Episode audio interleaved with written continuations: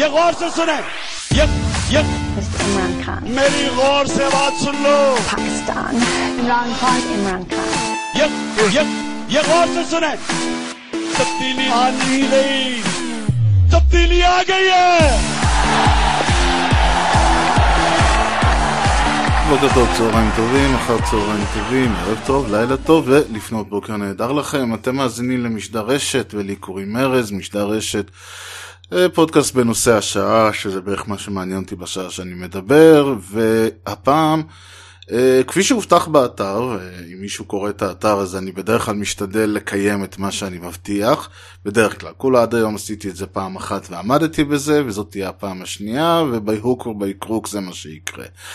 אה, אז מה שהובטח באתר זה שלפני אי אלו אה, שבועות, או לך תדע כבר חודשים אולי, היה משדר שכונה שלושת הגדולים, אם אני זוכר נכון.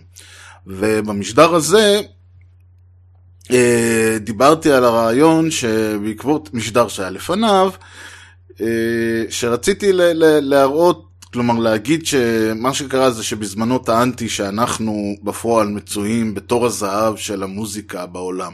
ואגב, לא רק, לדעתי לא רק תור הזהב של המוזיקה, אלא גם תור הזהב של האומנות, האומנות הפלסטית, ה- ה- אה, אולי לא הכתיבה דווקא, כי כתיבה זה איזשהו אה, משהו שתמיד היה נגיש. אבל uh, תמיד. במאה ה-14 אולי לא, אבל בוא נאמר ככה, ב-50-60 שנה האחרונות הרבה יותר קל לכתוב ולפרסם uh, ט, uh, טקסטים, uh, ספר, שירים, סיפורים קצרים. מאשר לצורך העניין לכתוב, להוציא אלבום, להוציא דיסק או, או תקליט או מה שזה לא היה, גם כי שוב, למי יש יכולת היום להדפיס אה, על ויניל, אה, אה, או אי פעם, למי הייתה יכולת כזאת. והדבר השני זה שגם, אה, כלומר היום בכלל לא צריך אפילו להדפיס על דיסק, למרות שזה יחסית די פשוט. אבל גם אם אני רוצה בעצם להדפיס אה, אלבום על דיסק, זה הרבה יותר פשוט מאשר אה, זה היה פעם. בטח ובטח שהיום בכלל לא צריך את ה, את ה, לפרסם בפורמט אה, קשיח. הכתיבה, לעומת זאת, נכון שהיום אפשר לפרסם גם כן על גבי האינטרנט. אה, עם זאת, אה, אני חושב שאיפשהו כתיבה תמיד, ושוב אני אומר תמיד, למרות שהכוונה היא לעשורים האחרונים, 50-60 שנה, בעוד שלפני 50-60 שנה, בשנות ה-60, בשנות ה-50, בשנות ה-70, לא היה אה, מצב ה- מבחינת מוזיקאי שרצה להתפרסם, בטח ובטח היה יותר טוב משהיה במאה ה-20, כן, שלא לדבר על ה... בשנות ה-20 של המאה ה-20. אה, אבל אה, בטח שלא קרוב למשהו היום, בעוד שהיום ה- היכולת שלי להגיע בתור, נכון, אולי בלוגים ו- וטוויטר ופייסבוק והפכו את הכתיבה להרבה יותר פשוטה, אבל אני לא מדבר על, אה, על פוסטים, אני לא מדבר על סטטוסים, אני מדבר על היכולת לכתוב ספר. לכתוב ספר אה, זה, זה היה לכתוב או לפרסם ספר או סיפור או קובץ שירה או כל דבר אחר. אה, אני חושב שפחות או יותר ההבדל בין אה, המצב היום למצב נגיד לפני אה, 40-50 שנה יחסית מינימלי לעומת אה, היכולת שלך היום אה, לפרסם, אה, לעשות מוזיקה בטח. פה במוזיקה אני חושב שבגלל הפורמט מוזיקה חוותה את הקפיצה המטורפת ביותר אם נאמר, בין uh, תחילת המאה ה-20, אמצע המאה ה-20 וסוף המאה ה-20 ותחילת המאה ה-21, כשאת הזינוקים הקלים ביותר, אני מאמין, זה יותר האומנות, ה- ה- יותר הכתיבה, uh, שלא לדבר על האומנות המומחזת, שהיא uh, סיפור אחר לחלוטין, פשוט כי... אני מדבר בעיקר על משהו שמצריך יוצר. יוצר, אני יושב, כותב, מצייר, מפסל, מלחין, אה, זה, ואומנות אה, מומחזת דר- דורשת אה, הפקה כלשהי, אז זה לא, זה נשים בצד. גם טלוויזיה אותו דבר. אה, למשל, אחד הדברים, המחשבה שבכלל, אה, האומנות שבכלל אה, יצרה אצלי, ואני די אחתוך מהעניין הזה כדי להתק... להגיע לנושא המשדר עצמו, אבל בגדול, מה שבכלל עורר אצלי את המחשבה שאנחנו נמצאים בתור הזהב של האומנות בכללה, הוא דווקא תערוכה, ש... איזושהי תערוכה שראיתי של אומנות פלסטית. בברלין, אגב. שם הייתה איזה, היה, פשוט פתחו שם האנגר ענק ושם, ו, ובכל, אה, וחילקו אותו ל, לחתיכות קטנות, לבוטים קטנים כאלה, כמו קיוביקלס כאלה שאתה עובד בהם ב, ב, במשרדים, ובכל קיוביקל כזה היה שם עולם ומלואו, יצירה מטורפת, בכל דבר שאתה יכול לחשוב עליו, ואני אמרתי לעצמי, איפה, איפה היה לנו את האושר הזה לפני 100 שנה, לפני 50 שנה? רק הרעיון אה, אה, שאז היה, של לשים את, אה, שמרסל דשאן שם את המשתנה שלו במוזיאון ואמר, בזכות זה שאני, מרסל דשאן, שם משתנה במוזיאון, זה הפך לאומנות, אז אני אומר, אנחנו היום נמצאים בצד השני של, ה, של הדבר הזה. כלומר, אתה כבר לא... אתה לא צריך, זה לא הרעיון הוא שהאומן מוכר שם במוזיאון מוכר, Whatever, וה whatever הזה הופך ליצירת אומנות, אלא הרעיון הוא שהיום, אם היצירה היא יצירת אומנות, אז, לא, אז אתה לא צריך להיות אומן מוכר ששם את זה במוזיאון מוכר, אלא יש לך הרבה יותר אפשרות ל, ל, לפרסם, להתפרסם, לעשות ו, ו, וכיוצא בזה. וזה מה שגרם לי להבין, אה, להבין, כלומר, בתפיסה שלי, שאנחנו אכן מצויים באותו תור הזהב. ואני חושב ששוב, הכי בולט זה במוזיקה, שאנחנו אה, נמצאים היום במצב שהמוזיקה היום, אין, אין אפילו מה לדבר על אה, איך שהיא הייתה לפני 20 שנה, לפני 50 שנה, 100 שנה וכיוצא בזה. והטענה ש, שהטענה מנגד היא שבגלל שהגייט קיפרס כבר לא, שומרי הסף, שומרי השער, כבר לא יושבים ודואגים שרק האיכותיים יעברו בסך, שלך תדע, אני לא בטוח שזה אי פעם היה, אני פשוט טוען, זה לא ש... לד זפלין ודייוויד באוי, שאולי הוא כן, אבל... אה, או, או הרולינג סטונס, או מי שזה לא יהיה. יכול להיות, אגב, שהרולינג סטונס או הביטלס היו באמת ה crème de la crème של הסצנה שממנה הם באו. אבל הם לא היו היחידים בעולם. העניין היה זה שהיית מוצא אנשים מוכשרים מספיק, בתקווה, והיית משקיע בהם מבחינת, אה, אה, לקח, היית מבחינת הפקה, מבחינת כל מה שזה כרוך, היית משקיע בהם הרבה מאוד כסף בשביל לקחת את המוצר שלהם ו- ולהעלות אותו לרמה שהיא, אה, שנקרא לזה בינלאומית, איכות בינלאומית שכזו. ואני בהחלט חושב ש, שלהגיד שדווקא האומנים האלה והאלה זכו להצלחה, זה לא אומר שהם היו האומנים הטובים ביותר בעולם, כמו שאני די בטוח ש, ש, שגם אה, נגיד באך ומוצרט ובטהובן, אולי אה, באופן, אם אנחנו מסתכלים על תולדות המוזיקה, אז קשה, לומר, אני, קשה לומר שיש אומנים גדולים יותר מבאך, ממוצרט או מבטהובן. Uh, כמובן שתמיד יימצא מישהו שיגיד שהוא מעדיף את אומן זה או זה עליהם, אבל הרעיון הוא באופן כללי, אם נסתכל על ה... תולדות המוזיקה המערבית ב-400 שנה האחרונות, אני חושב שאלה שלושת העמודים שעליהם כולם מסכימים שהם היו הגדולים ביותר, כן? ואני בטוח שאיפשהו במאה ה-17, היה באיזה כפר כלשהו, באיזה חור כלשהו, בגרמניה או בצרפת או אני לא יודע איפה, אדם שאם היה זוכה לאותה, אה, אה, להיוולד לאותה משפחה או, או להיות באותו סטטוס אה, ש, שבאך זכה לו, כי הרי באך לא, לא יצא מהרחוב. כל היכולת, כל הלימוד המוזיקה וזה שהוא עבד והתפרסם וכל ה... והכישרון שהיה לו שהביא אותו להיות הקפלמייסטר שסיפק לו בעצם עבודה ויכולת לבטא את כישרונו.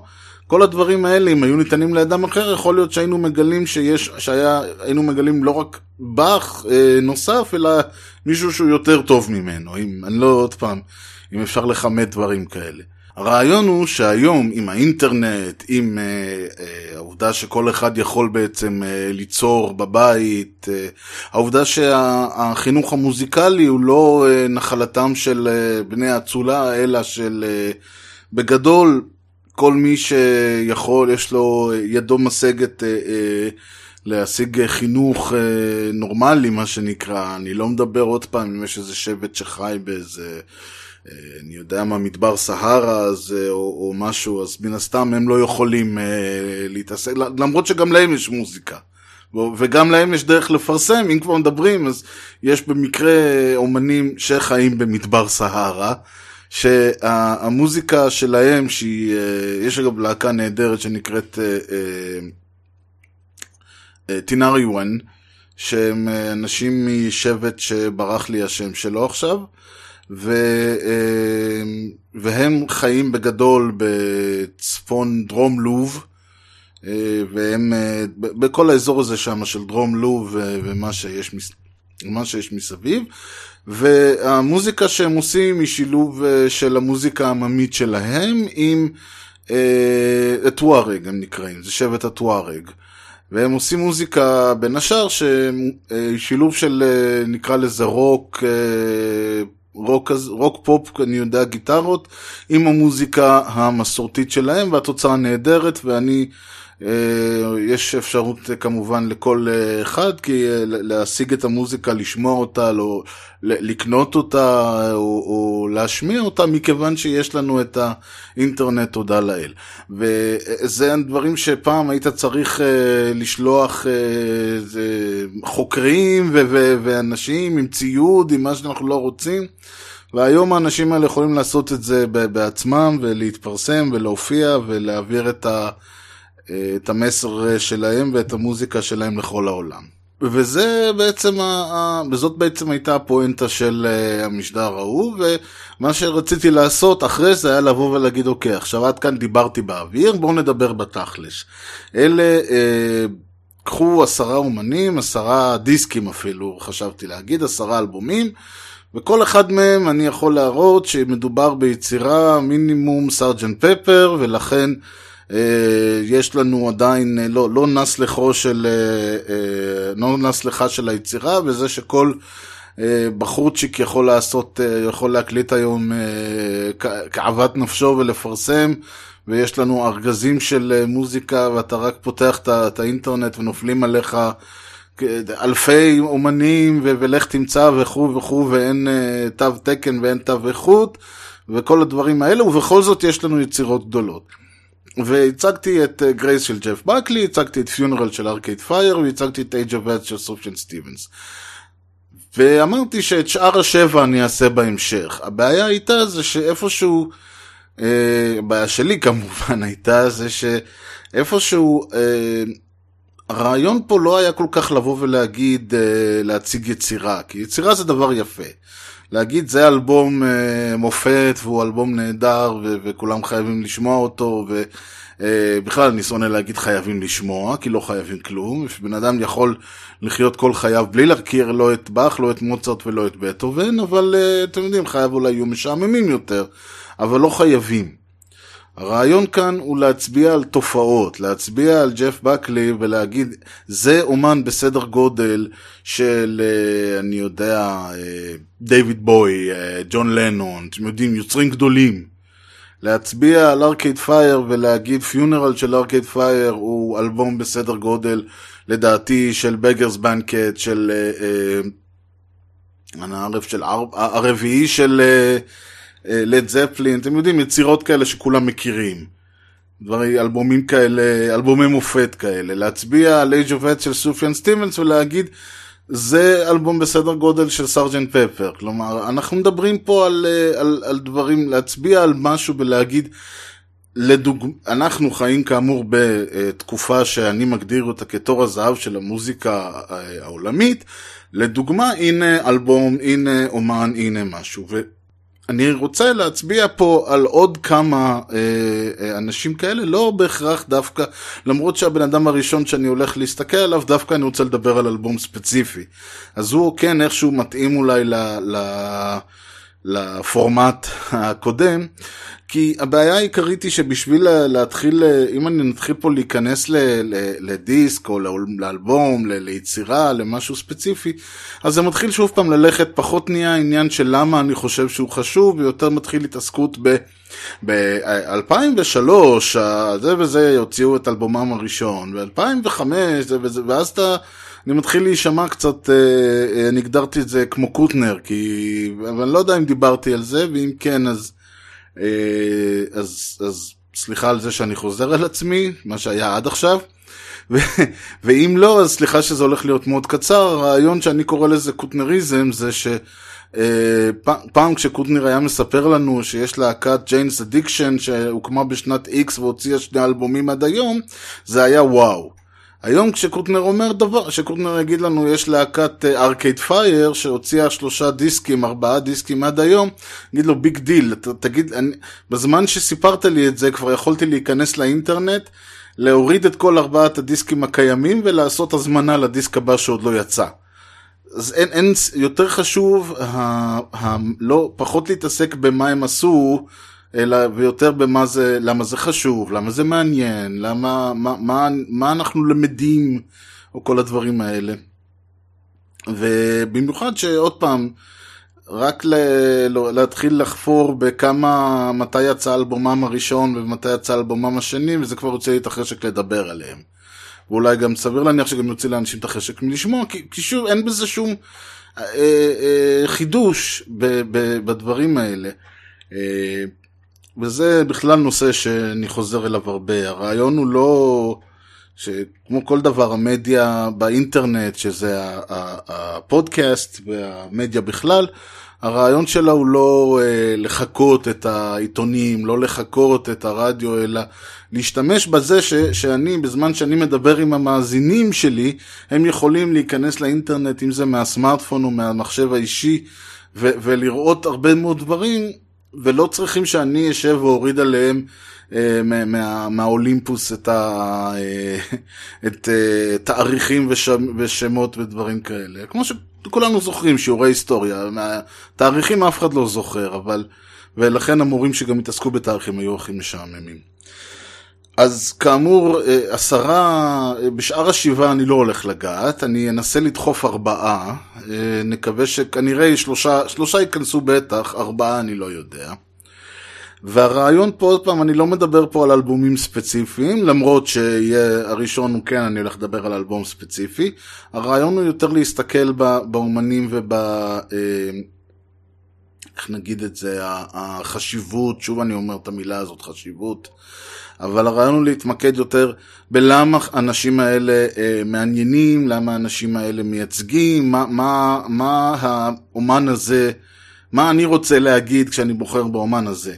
והאומן הראשון שאני הולך לבחור בו נקרא בוניבר, שזה נדמה לי אה, חורף טוב או משהו כזה בצרפתית, צרפתית אני לא יודע. אה, האדם עצמו נקרא ג'סטין ורנן. אה, אמריקני לדעתי, או קנדי, אפשר לדעת אצלהם. אה, עכשיו, באמת מה שקרה עם ג'סטין ורנון זה סיפור, ש, שמי שמכיר את בוני ור מיד יודע את הסיפור הזה, זה הסיפור הקלאסי של אדם שלא יודע מה, היה לו איזה שברון לב או משהו, והוא החליט ללכת, הלך לגור באיזה בקתה ביער, שבארצות הברית אפשר לעשות דבר כזה, ללכת לגור באיזה בקתה ביער.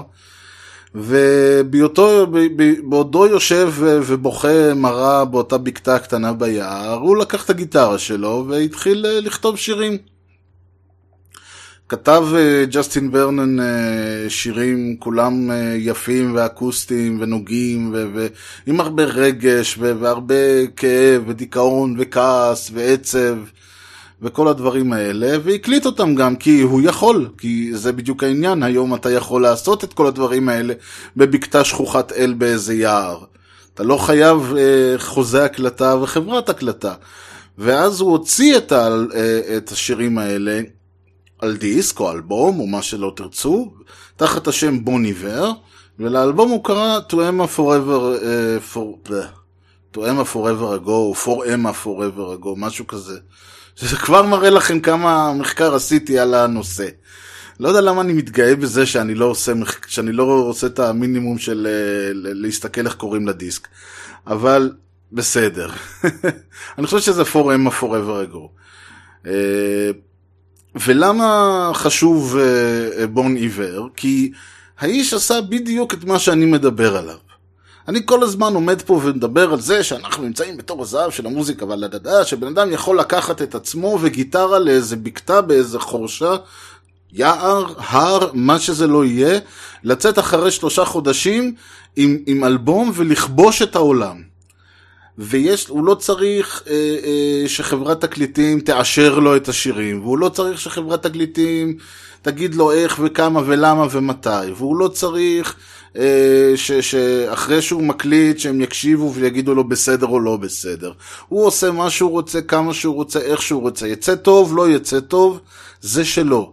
מי שעכשיו, מי שעכשיו שופט אותו זה המאזינים, ויש לו דרך להגיע למאזינים האלה. הוא לא צריך שהחברת תקליטים עכשיו תיקח את האלבום שלו ותמלא את המדפים באיזה, בחנויות התקליטים. מספיק שהוא, מספיק שהוא יוצא ל, ל, לאינטרנט ופוגש שם את האנשים המתאימים ששומעים את המוזיקה, והוא יכול גם ליצור קשר איתם דרך אימייל או דרך אה, אה, הרבה מאוד אה, מדיה חברתית ודברים כאלה. אתה יכול להגיע לאנשים שלא היית יכול להגיע אליהם לפני 10 ו-20 שנה. ואתה יכול להגיד להם, הנה יש לי אלבום רוצה לשמוע, ואז הוא יכול לשמוע. עכשיו זה לא משנה אם בסופו של דבר, אחרי כל התהליך הזה יוצא, יוצא לכם אלבום בצורה פיזית, במדיה פיזית של דיסק, בתוך חנות, בחנות תקליטים, אם יש עוד דבר כזה. זה לא משנה, הרעיון פה הוא ש... עד לאותו נקודה, ואגב אני לוקח פה את בון עיוור, אבל אנחנו מכירים דו, סיפורים דומים בארץ, אנחנו מכירים את עידן רייכל למשל, אנחנו מכירים את יוני בלוך, אנחנו, עידן רייכל שכתב, שעשה אלבום שלם אצלו ב, ב, בחדר, בסלון, אני יודע מה הוא עשה שם. יוני בלוך, ש, שבכלל, שהוציא שירים לאינטרנט והתפרסם כי הבת של. של החברת תקליטים ראה אותה, ו... והיום הוא עושה מיליונים מאיזה לופטגשפט שהוא עשה, אני לא זוכר. יש לנו אה, הרבה מאוד אומנים כאלה, עכשיו יש התלהבות נורא רצינית מסטטיק ובן אל, שאגב, אני חוזר ואומר, הדרך הנכונה להגות את שמם הוא סטטיק ובן אל, לא סטטיק ובן אל. יש לנו הרבה מאוד התלהבות, כי המפיק שלהם הוא אחד כזה שאתם יודעים, נמצא מה שקורה, מה שקורה בחו"ל, בארצות הברית, כבר מאז שנות ה-80, שיושב מישהו ולוקח כמה תקליטים, מוציא מזה ביט, מזה, מזה אלמנט, מזה אלמנט, מזה אלמנט, רוקח לו איזשהו ביט, ויאללה, ועכשיו נכנסים ומקליטים.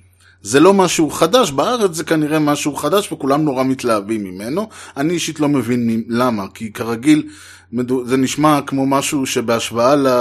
ש, שבהשוואה למה שאומנים מחו"ל מוציאים, ואתם יודעים, לא האלבומים הגדולים והקניה ווסט וכאלה ש, שמפיקים אותם 20-30 אנשים, שכל אחד מהם מרוויח ב, על האלבום הזה יותר ממה שאני ארוויח כל חיי, אלא מדובר במשהו שבהשוואה לזה הוא קצת חובבני, אבל בסדר. אבל הרעיון הוא עוד פעם, יש לבן אדם כמו בון עיוור את האפשרות לעשות את זה. עכשיו גם השאלה היא, ופה אני עוד פעם מתעקש על בון עיוור, כי בון עיוור הוא גם אומן אה, שאחרי זה עשה דברים, אה, אחרי שהתפרסם ואחרי שהצליח, אז הוא עשה בעצם את המסלול המתבקש, ועכשיו הוא... יש לו חוזה בחברת תקליטים, יש לו תקציב, ויש לו uh, להקה גדולה שמלווה אותו בעולם, והוא uh, מופיע והוציא כבר עוד שני דיסקים מאז. אלא מה? האלבום הראשון שלו, ש- שבאמת אני אומר, יש שם, איך אומרים, לא כל הפינות משויפות, ורואים שהוא עשה את זה לבד. ויש שירים שנגמרים פתאום כזה, ואתה אומר, וואלה, חבל, היית כותב עוד שניים, שלושה בתים, ועוד איזה פזמון יפה, ועוד איזה משהו באמצע. ויש שירים שלהפך, שנמתחים ונמתחים, ואתה אומר, היית חותך כבר. ויש את הקטע הזה שם, שהוא מתעקש להתחיל לתופף, ואין לו קצב. ואתה יודעים, יש כל כך הרבה אלמנטים שם, שאני אומר, וואלה, הייתי משי... מפיק או, או חברת תקליטים כבר היו זורקים אותם, או משייפים אותם, או, או מחליפים, או משדרגים. או, או מרימים קצת את הסאונד, או מכניסים עוד איזה אלמנט, ועוד איזה אלמנט, ושוכרים את אייבי רוד לאיזה שבוע להקליט תזמורת, ו, וכל הדברים האלה, אה, ש, ש, שיש ב... שאין או יש בפורמה Forever Ago, אלה דברים שאתה אומר, אוקיי, עכשיו שיש לו חוזה בחברת תקליטים, והוא אה, אה, אומן רציני, ויש יכול לשבת עכשיו, לא צריך לשבת באיזה בקתה, אלא יכול לשבת באולפן, ולכתוב את השירים, ולעשות את כל הדברים כמו שצריך. עכשיו נראה, ניתן לה, ליכולת שלו לצאת החוצה, ואכן היכולת שלו יצאה החוצה, ומה לעשות? כמו במקרה של ארקייד פייר, כל מה שהוא הוציא מאז לא משהו. כלומר, שירים יפים, אין, אין ויכוח. אה, אבל לא משהו, ובמיוחד האלבום האחרון שהוא הוציא, שזה בכלל, אה, איך להגיד, מרוב ניסיון להמציא את עצמו מחדש, הוא המציא, נראה לי התחרפן לגמרי, או, או שהפלצנות עלתה לו לראש. האלבום השני שלו, שנקרא בוניבר, גם, אה, גם שם האלבום, הוא בדיוק העניין הזה של לנסות לעשות את מה שהלך טוב אז, אבל הפעם עם תקציב ולהקה וכל הדברים האלה, וזה לא עובד. כי איפשהו דווקא, וזה בדיוק חלק מהעניין שאומרים שההפקה של חברת התקליטים, ההפקה המקצועית, היא, זה מה שמוציא מהשמונה עשר, זה מה שמוציא מהשבע, תשע וחצי. אז במקרה שלנו, יכול שאיכות ההפקה של פורמה Forever Ago היא שבע וחצי, אבל השבע וחצי הזה באופן מוזר מוציא מהשירים היפים שלו משהו שהוא, ו- ו- וגורם לאיזושהי חוויה, ואני אגיד סינרגטית כי אין לי מילה אחרת, אבל נוצרת פה איזושהי חוויה שהיא מעבר לשירים היפים ולהפקה החלודה קצת, המקרטעת נגיד, וזה בדיוק האלמנט שאמר, דיברתי עליו בפיונרל של ארקייד פייר מכיוון אחר. כי כשאין לך, אתה מנסה יותר.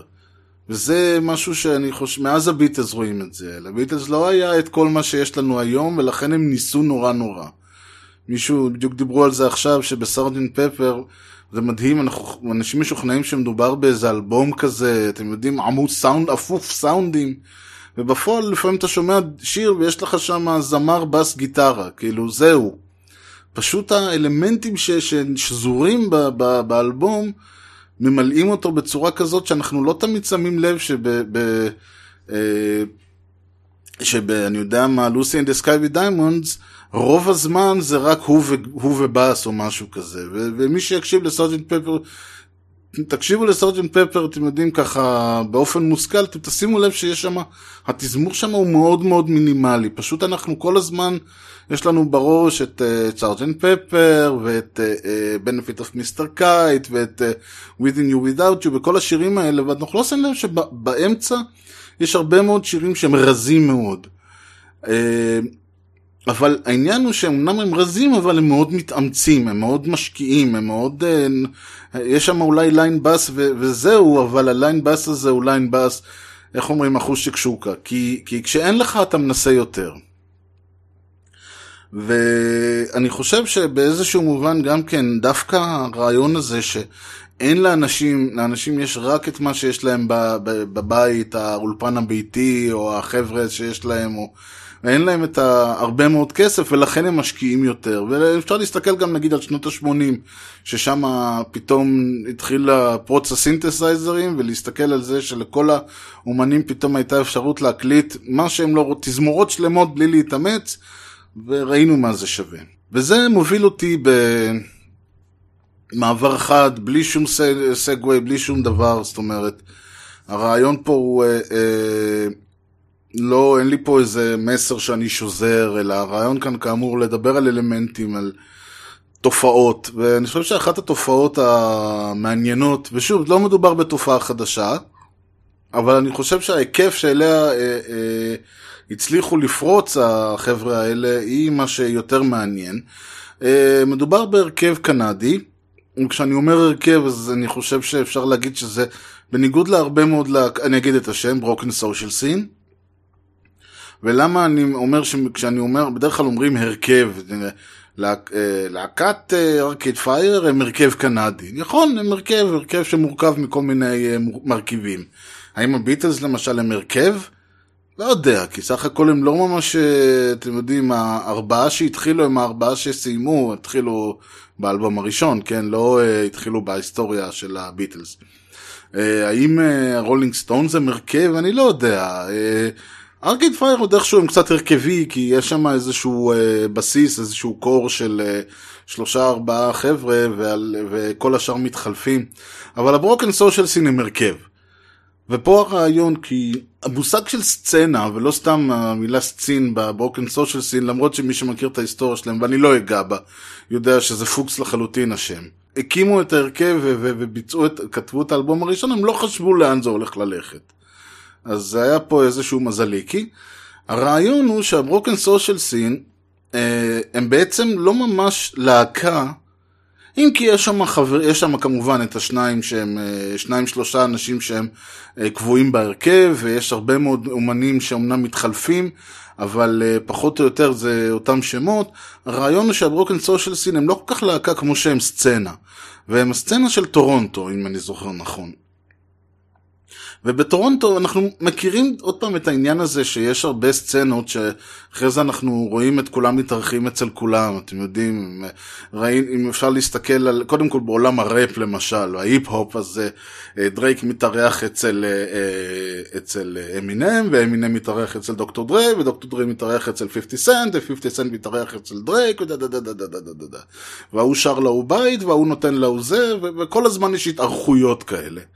אבל בסופו של דבר, הרעיון פה הוא ש, ש, שיש לנו מעט מאוד אה, הרכבים שהם אה, נגיד כמו הווטנג, או כמו החבר'ה האלה עם הדולר בשם, או כל הדברים האלה, שזה באמת איזושהי אה, הרכב מסוים שה, שהחברים שלו גם מקליטים בנפרד, או מקליטים ביחד.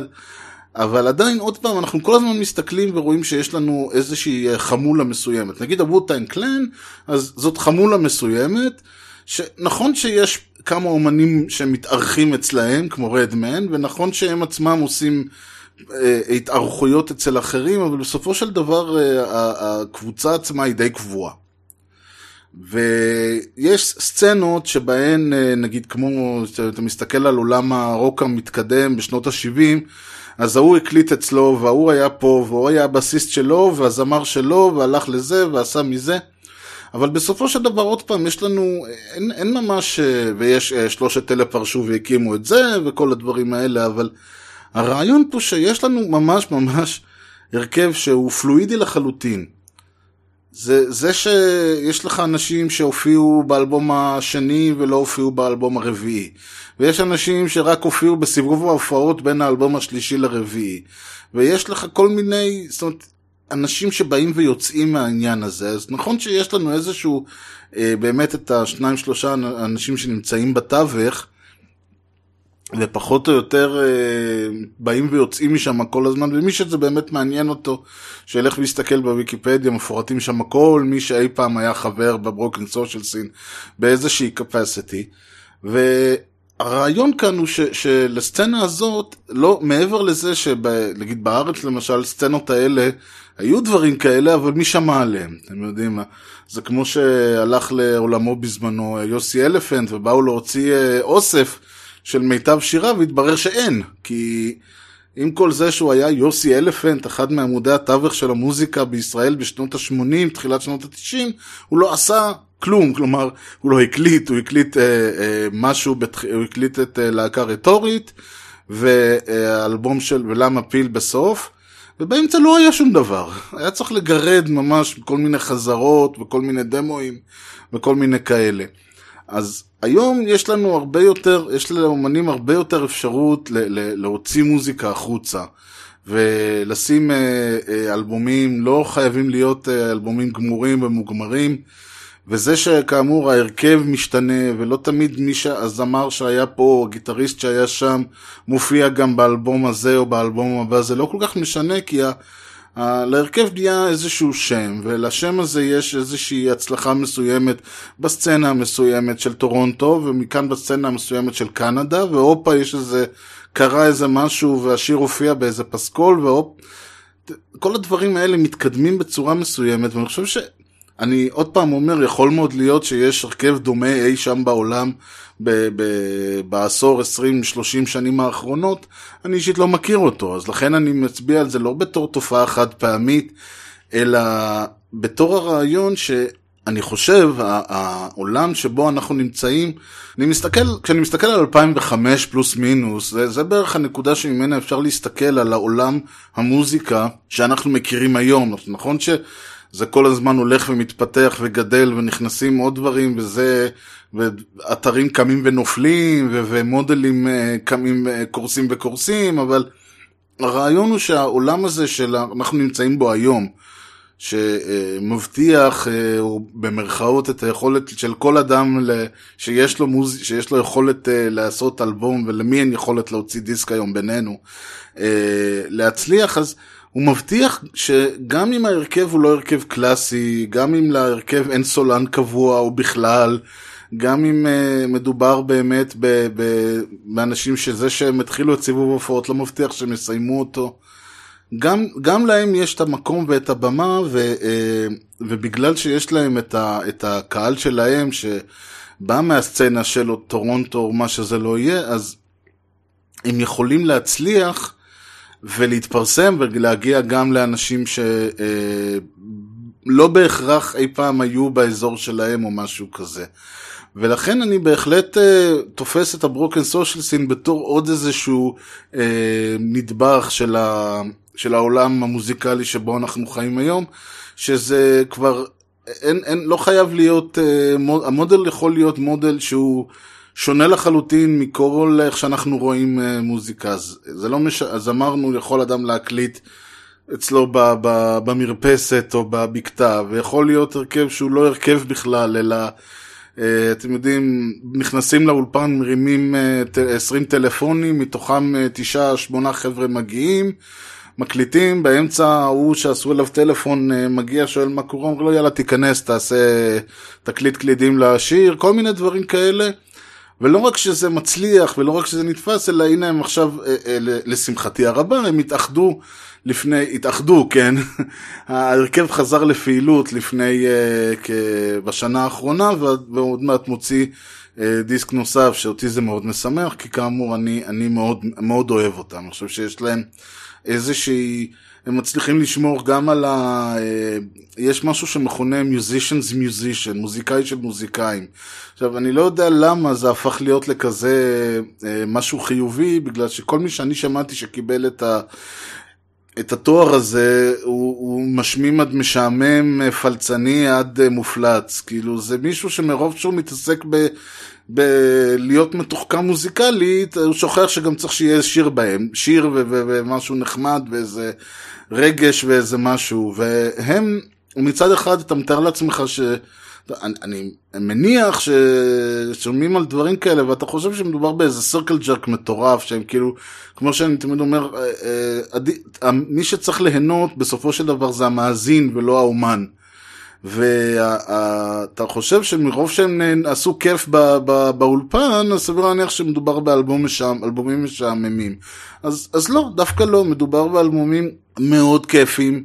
עם הרבה מאוד uh, עניינים, עם uh, הרבה מאוד סגנונות שאיכשהו מצליחים להשתלב לכדי משהו אחד.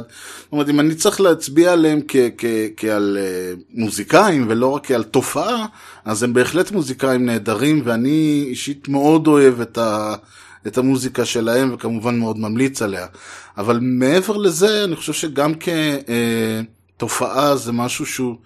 אני לא יודע אם היה אפשר היה לקיים את, ה, את הסצנה הזאת ברמה הזאת בשנות ה-80 למשל. ואני חושב שכמו שבשנות ה-80 הרבה מאוד למשל מסצנת ההיפ-הופ והטכנו והרבה דברים כאלה, אנחנו שומעים הרבה על להקות שלא התפרסמו, אנחנו שומעים על הרבה מאוד אומנים שנשארו ברמת הדמואים והאנדרגראונד ויש להם כל מיני הקלטות וכל מיני זה, אבל לא באמת אה, אה, הצליחו להתפרסם ולהפיק ולהוציא דיסקים ולהוציא אלבומים או מה שזה לא יהיה. היום זה כבר, היום אה, אה, יש לך, לכל אחד, בטח ובטח אם מדובר בחבורה של אומנים, את היכולת לעשות את זה. ואם כבר אנחנו מדברים על אה, זה שוב פעם במעבר חד כזה, שהוא כל כך חד שאין לי אפילו אה, דרך, אה, אני לא מנסה אפילו לגשר, אבל אני אומר, אם אנחנו מדברים על אומנים שהם אומנים מעניינים, אז ללא ספק מבחינתי האומן ההרכב, ואני אגיד הרכב למרות שפה אנחנו מדברים לא רק, זה לא הרכב, זה ממש להקה של, של שלושה ארבעה חבר'ה שהם אותם שלושה ארבעה חבר'ה. ונדבר על האנימל קולקטיב, והאנימל קולקטיב אה, מדובר באמת בחבורה של... אה, איך להגדיר את זה? כאילו, הם, הם עצמם, לא ממש, אה, היה איזה שיחה איתם, שמעתי איזה אה, ראיון עם אה, שניים מחברי האלבום, כשהם ניסו להסביר ש... אה, כששואלים אותם אה, מה, מה הם עושים בחיים, קצת קשה להם להגיד מוזיקאים, כי זה לא בדיוק, לה- כי הם לא בדיוק מוזיקאים. ש... כלומר, הם אומרים, תשמע, אני, אני לא בדיוק מוזיקאי, אני חבר באנימל קולקטיב, זה לא, זה לא שיבקשו ממני עכשיו תביא גיטרה ותעשה כיף לחבר'ה, או, או בוא תנגן לנו איזה שיר, אני לא כל כך יודע לעשות את זה. זה, זה, הם, הם, זה מצחיק, כי אתה שומע את המוזיקה שהם עושים, וזו מוזיקה מאוד אקספרימנטלית ומורכבת, אבל איפשהו, אה, אה, ברור שאנחנו לא מדברים פה על, אה, בניגוד לאולי לתפיסה של המיוזישנס מיוזישן, לא מדובר פה בחבורת אה, מוזיקאים אה, ש... ש אה, הלכו ואמרו, טוב, עד עכשיו ניגענו אצל אחרים, עכשיו ננגן אצלנו, ויוצא להם, ובואו נכתוב שיר בשבע שלוש עשריות, עם פזמון בחמש תשיעיות, ואתם יודעים שהגיטרה תהיה בסולם X, והזה יהיה בסולם Y, ואיזה מגניבים אנחנו, ו... ואני נרדמתי כבר, כן? זה גם נשמע כמו שזה נשמע. זאת אומרת, התוצאה היא בערך על אותו דבר. תמיד יש את האלה שכזה, אתה שומע, אתה אומר, יואו, אני לא מאמין, איזה יצירה, ואתה כזה, אומר, אוקיי, בוא תסביר לי מה כל כך טוב פה. אז הוא בא ואומר לך, אתה מבין, הבית הוא בחמש שלוש עשריות, בסולם כזה, והפזמון, וזה, זה, זה. אני אומר לו, אוקיי, אבל שיר יש פה, תכלס, יש פה משהו מעניין. אז אצל, אז אצל האנימל קולקטיב דווקא יש, כי מעבר לכל האקספרימנטליות, וה, והקצת אידיוט סוונטיות הזאת שלהם, ו, וכל הדברים האלה, הם גם מוזיקאים טובים, הם אמנם אולי אין להם את היכולת, ה, ה, ה, אה, אולי אין להם הכשרה מוזיקלית, ולכן הם כנראה לא, הם לא יכולים לעשות מה שמוזיקאי אחר יכול לעשות, אבל יש להם איזושהי הבנה, אה, אה, הבנה אידיוטיות כזאת של אה, המוזיקה, ואני אומר אידיוטית לא במובן, עוד פעם, לא במובן ה, ה, שאני, של להעליב. מכיוון שאם אני עוד פעם חוזר, ל- אם אני משתמש פה באידיוט סוונט, אותו אה, אה, אה, בור אה, אה, משכיל שכזה, שלא יודע, אין לו השכלה, אבל מסתבר שהוא יותר, אבל הוא מבין את המוזיקה יותר משכל אדם אחר מבין אותה, אז אני חושב שעוד פעם אני צריך להגיד את השם המפורש, וזה ביטלס. מכיוון שלביטלס אין השכלה, לא הייתה השכלה מוזיקלית. עד כמה שאני יודע, פול מקארטני עד היום לא יודע לקרוא תווים. כל מה שהיה להם, והם גם לא היו נגנים כאלה גדולים. למרות כל האנשים האלה שמדברים על ה-Genius of the Beatles וכל זה, הם לא היו נגנים כאלה גדולים. הטכניקה שלהם הייתה טובה, אבל לא הייתה מעבר לזה. הייתה להם טכניקה של חברות, של חבר'ה שניגנו על גיטרות מגיל, מגיל צעיר, אבל אין להם טכניקה ברמה של אריק קלפטון, ג'ימי הנדריקס, ירום הודו, אתם יודעים דברים כאלה, לא ג'ף בק, אה, זאת אומרת, הם לא היו גיטריסטים גדולים, הם לא היו גיטריסטים גדולים אפילו לא בז'אנר שלהם. אה, גם קיט ריצ'רדס לא אגב. רון ווד למשל, יש לו טכניקה הרבה יותר טובה, אבל גם הוא וגם הוא לא כזה גיטריסט גדול. הרעיון פה זה שלאנשים האלה שכביכול במובן הזה של היצירה, יש איזושהי רמה של מה שנקרא אידיוטיות, זאת אומרת חוסר הדיוטיות, עוד פעם, אולי צריך להדגיש, בהיי. זאת אומרת, כמו שיבוא מישהו ש... אה, אה, אני יודע מה, כיתה ג' הייתה 12 השנים המאושרות בחייו, ועכשיו יוציא ספר פתאום. מאיפה אתה יודע להוציא ספר? מאיפה אתה יכול לכתוב ברמות כאלה? מסתבר שהוא יכול, הוא פשוט אין לו את הכלים ואין לו את היכולת של אדם שהשלים 12 שנות לימוד ועשה אחר כך תואר שני בספרות. אז זה הכוונה שמדברים על האידיוט סוונט, ודווקא עוד פעם, החוסר יכולת הזה, אולי ה- ה- ה- העובדה שדברים לא באים להם בקלות במרכאות, כמו שהם באים לאומנים בסדר גודל, אה, סליחה, לא בסדר גודל, אלא לאומנים שיש להם השכלה ויש להם יכולת, ומתאמנים שמונה שעות ביום על הכלי שלהם וכל הדברים האלה, מה שצריך לעשות, אגב, זה שמה שצריך לעשות כדי להיות אה, מוזיקאי טוב, אני לא אומר, רובנו, אני למשל אה, מודה ומתוודה, אם אני הייתי יכול להתאמן ארבע שעות ביום על, ה, על, על הגיטרה, היום הייתי מוזיקאי הרבה יותר מצליח, אני לא, ולכן אני לא מוזיקאי כזה טוב, אם בכלל, אבל הרעיון פה זה ש...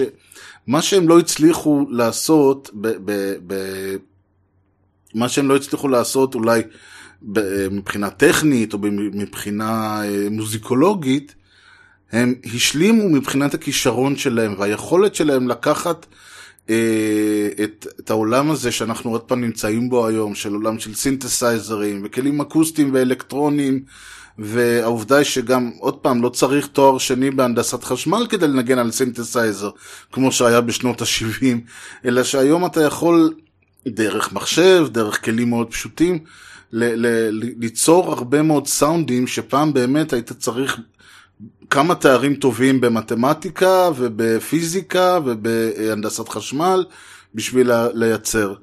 ואתה יכול לעשות את כל הדברים האלה, והם מספרים שם דברים מצחיקים, שלמשל, אה, אה, אה, בגלל שהם לא כל כך אה, מבינים בזה, אז לא תמיד הם בסולם הנכון. ולא תמיד הם מכוונים אחד לפי השני, והם צריכים שם כל מיני אה, אה, דרכים, אה, ב, ב, על הבמה הם צריכים כל הזמן לראות אחד את השני כדי לא לצאת, כדי להיכנס ולצאת ב, ב, במקומות הנכונים, כי עוד פעם אין להם את ה... זה לא אומן שיש לו נגן, אה, אתם יודעים, בתזמורת, שאתם רואים שכתוב לו שם 53 תיבות, סופר 53 תיבות, בום בום בום בום בום, סופר עוד 10 תיבות, בום בום וכן הלאה. אין להם את זה, בחיים לא יהיה להם את זה. מה שיש להם מצד שני זה, זה עודף יצירתיות ועודף כישרון שמכסים על העניין הראשון. עכשיו, אני אומר עוד פעם, למשל האלבומים המוקדמים של האנימל קולקטיב, אני לא יכול לשמוע אותם. זה, זה לחלוטין מצחיק, כי שם זה ממש נשמע כאילו, אה, אני לא יודע, זה נשמע כאילו אין להם ממש מושג מה הם עושים, אבל הם הצליחו אה, ל, ל, ל, להתגבר על העניין הזה. ולהגיע לרמה ש, שלעומת זאת את אלבום Strawberry Jam שלהם, או את האלבום Merriweather Post Pavilion, או את האלבום אה, שאני אוהב אישית, אבל פחות אה, נחשב Centipede אה, אה, Hz, אה, זה האלבום הלפני האחרון, אלה האלבומים שאני יכול לשמוע אותם ברציפות עשר פעם. אם אני כבר מדבר נגיד אה, אה, אה, על הביטלס עוד פעם, ולמה אני מתעקש? כי הביטלס למשל לא היו מצליחים לבצע את אה, יצירות כמו Tomorrow Never Knows וכל סרג'נט פפר ורבולבר בכלל ועוד הרבה הרבה אלמנטים שהיו להם שם ביצירה, הם לא היו יכולים לבצע את זה אם לא היה להם א', חוזה הקלטות, ב', חוזה הקלטות בחברת אה, פרלופון או משהו כזה, ג', חוזה הקלטות באותה חברה שהמפיק שלהם הוא ג'ורג' מרטין, והטכנאי שלהם הוא, ברח לי השם שלו, גם כן איזה קנון, כי אחרת הם היו עוד אה, להקה טובה. אבל הם לא היו הביטלס. למה הם לא היו הביטלס? כי בשביל לעשות דברים שהם רצו לעשות, היה צריך, א', אה, את היכולת לשבת באולפן, א', כמובן להגדיר את מה שהם רוצים, שזה סבבה. אבל עכשיו, אחרי שאתה צריך את האנשים שכשאתה אומר להם, אני רוצה שכשאני שר ככה, אז יהיה ככה, ואז אולי, וגם אני רוצה שתיקחו את הפזמון ותנגנו אותו לאט יותר, ואת ה... כל ה... ואז ניכנס עם הגיטרה במנגנת אחורנית, ונשים פה אולי סאונד מאיזה משהו, ואתה צריך אנשים שא' יבינו מה אתה רוצה מהם, ב' יוכלו לבצע את זה בכלים של אז.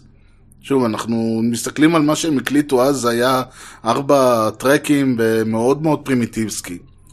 ו, אה, וכמובן שגם צריך, אתם יודעים, שאם הם, הם, היה להם את הספריית, אה, כל הכלים האלה, את כל הסינתסייזרים והדברים שהיה להם שם, המלוטרון והמוג וכל זה. וגם היה להם את כל הספריות של ה...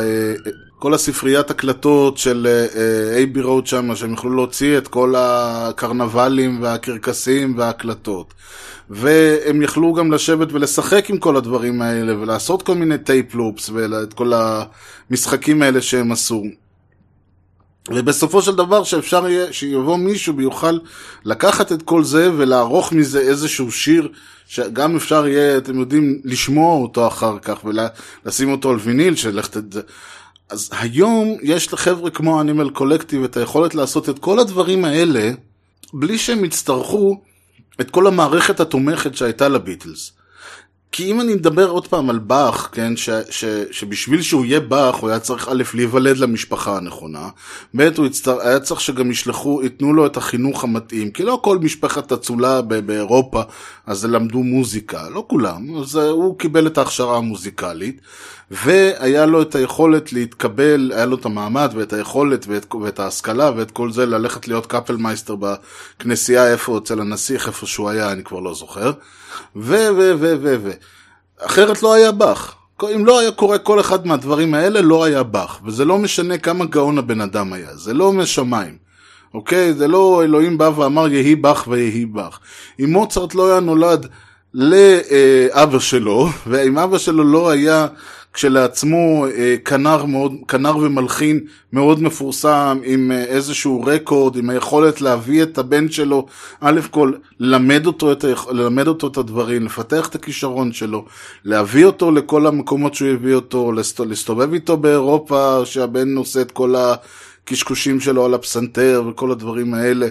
אה, אה, ותוך כדי זה גם כל הזמן להעשיר את העולם שלו ולפתוח לו את הדלתות. לא היה מוצרט. זה, אלוהים לא אמר עוד פעם יהי מוצרט ויהי מוצרט, או שכן, אני לא יודע. אבל היה צריך לעשות הרבה מאוד מסביב בשביל ש... זאת אומרת, זה, זה בערך, אלוהים היה צריך קודם כל לדאוג שיהיה לו את המשפחה המתאימה, שהוא ייוולד בתקופה המתאימה, שהוא ייוולד לאנשים המתאימים, שלאבא שלו יהיה את הקשרים הנכונים, שאבא שלו עצמו יהיה אה, מלחין מאוד מאוד מוכשר. וכל הדברים האלה היו צריכים להתקיים, אז בערך אותו דבר, הביטלס אמנם לא היו צריכים להיוולד למשפחה המתאימה בתקופה, ל, ל, היו צריכים להיוולד בתקופה המתאימה, בסדר, אבל הם לא היו צריכים להיוולד למשפחה מסוימת, הם לא היו צריכים את ההכשרה האומנותית שבלעדיה לא יכולת להיות מלחין ב, אה, במאה ה-18 או ה-17 או ה-19 אפילו. הם לא היו צריכים אה, אחרי זה לנגן ולהתאמן, והם יכלו להופיע והם יכלו להתפרסם בזכות זה שהם להקת קאברים של כל מיני דברים. אבל בשביל להגשים את החזון שלהם, להיות מעבר לסתם חבורה של חבר'ה שמנגנים יפה על גיטרות, הם היו צריכים מערכת תומכת מאוד רצינית. כבר אמרתי את זה, הם היו צריכים את ה... את ה...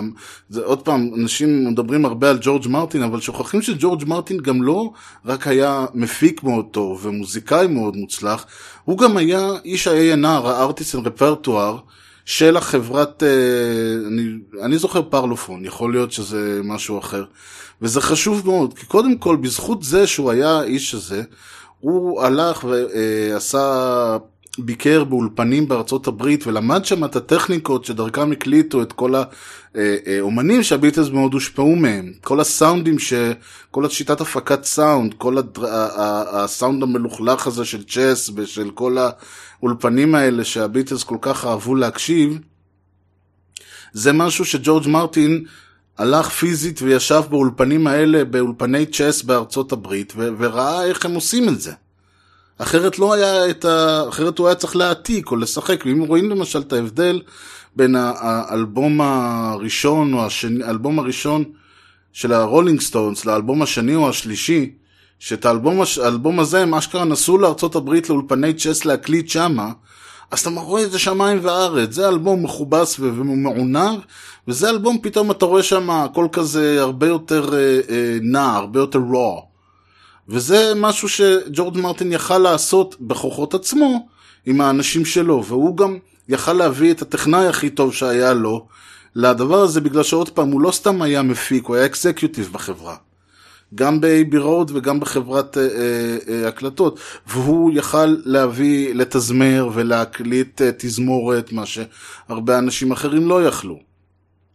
והוא גם יכל להצדיק את זה של להכניס תזמורת לאולפן, אה, בגלל שעוד פעם הוא לא היה צריך ללכת ל-ANR ולהתחיל להסביר לו למה זה חשוב, הוא היה ANR, הוא היה חותם על הדברים האלה.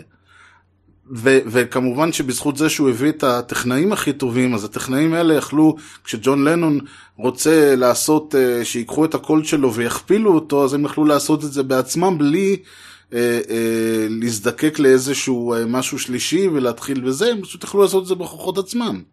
וככה הביטלס יכלו לחלום בלילה על כל מיני אפקטים, ולבוא בבוקר, והאפקטים האלה היו נוצרים.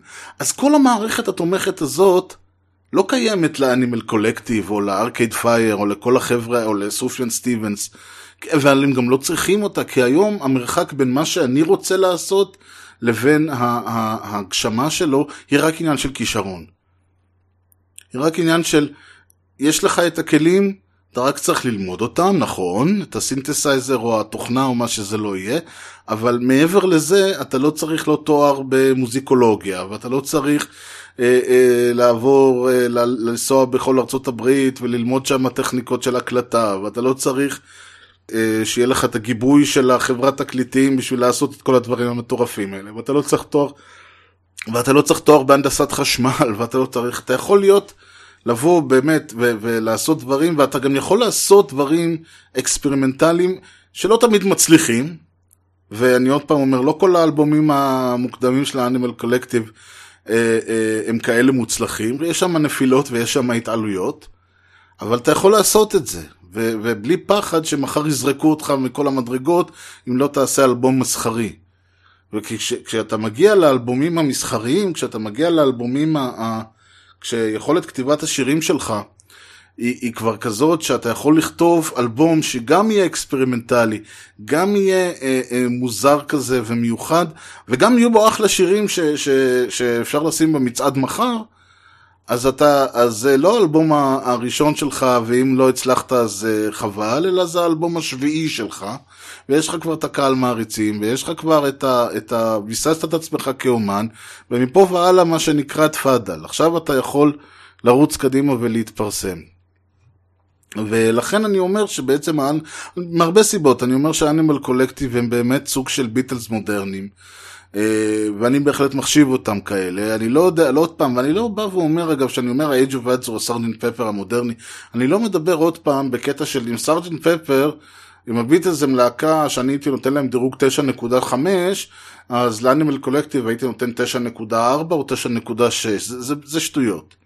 אני מדבר על זה שמבחינת ההרכב עצמו, מבחינת התפיסה המוזיקלית, מבחינת מה שהם רוצים, מנסים ועושים במוזיקה, אני חושב שמדובר פחות או יותר באותו לבל של יצירתיות ויכולת. ונכון שאולי הם לא הביטלס, אבל זה עוד פעם, מסיבות שכבר הגדרתי פעם, אי אפשר, אף אחד לא יוכל להיות.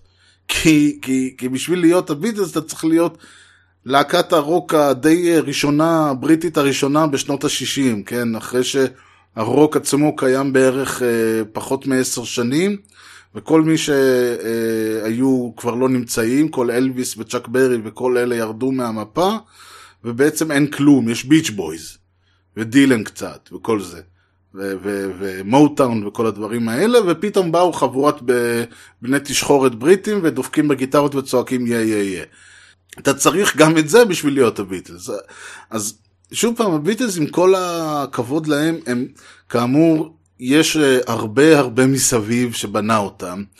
אנימל קולקטיב, נכון עוד פעם, אם, היו אם הם היו נולדים 50 שנה קודם, אז זה לא היה קורה. אבל מעבר לזה שהם נולדו בתאריך ובשעה הנכונה, כל מה שיש להם מאותו רגע הם עשו בעצמם, הם לא היו צריכים, לא שהנסיבות, לא שהרוקנרול, את המזל הזה שהרוקנרול קיים כולה כאמור פחות מעשר, אפילו פח, איזה עשר שנים. כשהם התחילו אז רוקנרול היה קיים איזה שלוש ארבע שנים בכלל. ו- וכל מה שקרה מעבר לזה, וכל המערכת התומכת, וכל הדברים האלה, הם לא היו צריכים. הם בנו הכל ב-10, 20, 30, 40 אצבעותיהם, ובהחלט הגיעו למקום שבאמת הם יכולים uh, לפרוץ קדימה, והתוצאה היא בהתאם. אני באמת אומר שכמה שה... שהאלבומים הראשונים שלהם הם hit and miss, הם הרבה יותר מיס מהיט. מ Sung Tongs והלאה, אני חושב שאנחנו מדברים פה על הרכב באמת איכותית, ללא ספק מהטובים בעולם כיום. ושיש לו באמת שניים שלושה מהאלבומים שלו, אני בהחלט הייתי אה, מסתכל עליהם כ... באותה שורה של, אני, אני עוד פעם לא הולך להגיד Sergeant Pepper ו Dark Side וכל זה, אבל בהחלט ברמה הזאת. אם אני צריך לספור את האלבומים הגדולים בהיסטוריה, אני בהחלט דוחף שם פנימה את, ושוב זה תלוי מה, יש כאלה שאוהבים יותר את Merriweather Post Pavilion ויש כאלה שאוהבים יותר את Strawberry Jam, אני ביניהם, אבל זה לא משנה, איך שלא תסתכלו על זה, לשני אלבומים שהם פשוט מה... לא רק מהטובים ביותר שלהם, מה שנכון, אלא מה... בהחלט מהאלבומים המעניינים, הטובים, החשובים, המוצלחים, היצירתיים, מה שלא תסתכלו על זה, בכל ההיסטוריה של המוזיקה בעולם, וזה אחת הסיבות, ושוב פעם להזכירכם, זה שאנחנו נמצאים היום ב, ב, בעידן שבו, כאמור, ארבעה בני תשחורת מניו יורק, או מאיפה שהם לא באו, יכולים להוציא, או בולטימור נדמה לי, יכולים אה, אה, באמת מ, מ, לאט לאט בכוחות עצמם, בלי טובות של אף אחד, להביא את עצמם למקום הזה שהם יוצרים יצירות מופת. זה לא אומר שהיצירות מופת האלה פחות טובות מכל מה שקרה לפני בחמישים, שישים, שבעים שנה האחרונות. וזהו, הקול שלי כבר גמור לגמרי, אני התחלתי אותו עם מעט מאוד גרון ואני מסיים אותו כבר צרוד לחלוטין. אה, כאמור, עוד שלושה אנשים ככה הצלחתי לדחוף פנימה, אני חושב שאנחנו נסיים בזאת את, אה, את הסבב הנוכחי, והאומנים הבאים אולי אני אכניס, אה, האומן, האומנים הבאים אני אשתדל, יהיה עוד סבב אומנים, אבל זה כבר לא יהיה בקונספט של תור הזהב, אלא זה יהיה קצת יותר אולי דברים שאני... אני כבר אחשוב על משהו. יש לי עוד, יש לי עוד כמה אומנים בקנה, אבל הם כבר פחות קשורים לנושא הזה של... כאמור, ארז מוכיח למה אנחנו בתור הזהב של המוזיקה, ויותר אולי, אני יודע, אין לי מושג, ולכן אני חושב ש... אנחנו נשמור אותם כבר לפעם אחרת, זאת אומרת, אנחנו נשמור אותם בכל מקרה לפעם אחרת, אבל בזאת אני גם מסיים את הסדרה הזאת, סדרונת של תור הזהב, שלושה משדרים ככה, סוג של רצף. בכל מקרה, למישהו יש אה, אה, איזה שהן דעות, השגות, רעיונות, תוספות, המלצות, אה, תודה, ארז, איך שהכרת לי את, אה, את אה, להקה זו והזו, וואלה, עשית לי את השבוע, או כל דבר אחר שבא לכם. Uh, המייל שלי הוא ארז שטרודל משדר רשת נקודה co.il משדר רשת זה גם הכתובת נקודה co.il זה גם הכתובת של האתר ששם אפשר לראות את כל הפרקים הקודמים והמשדרים הקודמים ולהירשם לכל המשדרים ב-RSS לכל המשדרים שעוד יבואו. משדר רשת זה כמו ששומעים ארז במשדר רשת מה לעשות גם היוזרים שלי בטוויטר יש לי התלבטות מאוד רצינית לגבי היוזר של משדר רשת ולו רק בגלל שכל הקונספט הזה של להשתמש בשני יוזרים במקביל עושה לי סמטוחה ואני כבר, ואני כבר מפרסם את המשדר ביוזר הלא נכון ועונה לו ביוזר הלא נכון, כאילו הרעיון הוא שאני עושה הרעיון שלי הוא שאני, כל פעם שיש משדר חדש, אני מעלה אותו עם יוזר של משדר רשת, ועושה לו retweet עם היוזר של ארז. זה איכשהו לא כל כך עובד ככה, בפעם הקודמת זה, זה קרה הפוך, התבלבלתי, ועוד יוצא שאני עושה ריטוויט לעצמי, כל הדברים האלה, לא יודע.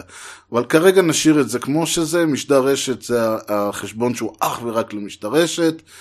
כל מה שקשור, כל מה שמעבר לתגובות וכיוצא בזה, אבל מה שהוא מפרסם זה דברים שקשורים למשדר רשת. הרי זה החשבון הפרטי שלי ואני עושה שם מה שאני רוצה, כולל להתייחס לדברים. היה נורא עמוק. אז אמרנו מייל, אמרנו אתר, אמרנו RSS ואמרנו טוויטר, אז כל מה שנשאר לי לאמור זה רק מקווה שנהנתם, אני מאוד. נתראה במשדר הבא, אני מאוד מקווה. ושיהיה לכם המשך יום נהדר.